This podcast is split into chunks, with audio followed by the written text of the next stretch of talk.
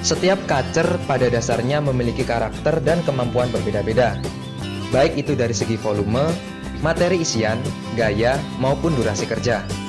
Untuk itu kita perlu kejelian agar dapat memilih kacer yang prospek untuk kita jadikan gacoan di gantangan.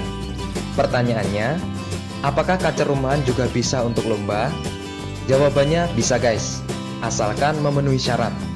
Berikut ini akan kita bahas secara lengkap. Yang pertama adalah syarat yang harus dimiliki kacer. Kacer rumahan yang akan disiapkan untuk lomba harus sudah gacor atau rajin bunyi dan berusia mapan, minimal sudah mabung tiga kali bahkan lebih.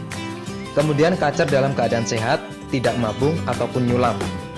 Jika sudah memenuhi syarat di atas, barulah kita akan terapkan rawatan harian dan rawatan lomba. Yang kedua adalah pengondisian dengan rawatan. Kacer rumahan dituntut untuk rajin berbunyi saat di rumah, karena kita akan menikmati kicauannya.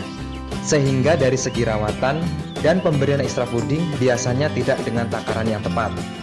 Untuk itu tugas kita adalah memberikan rawatan harian secara konsisten. Bagaimana rawatan hariannya? Kita lakukan rawatan sehat guys.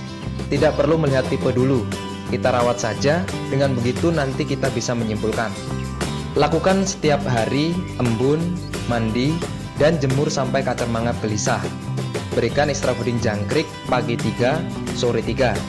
Siang kita kerodong.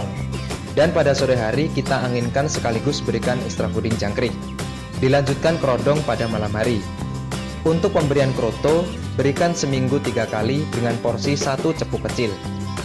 Lakukan rawatan sehat selama dua minggu guys, dan kita amati perkembangannya kita bisa rubah sedikit pola rawatan atau porsi ekstra pudingnya jika dirasa perlu.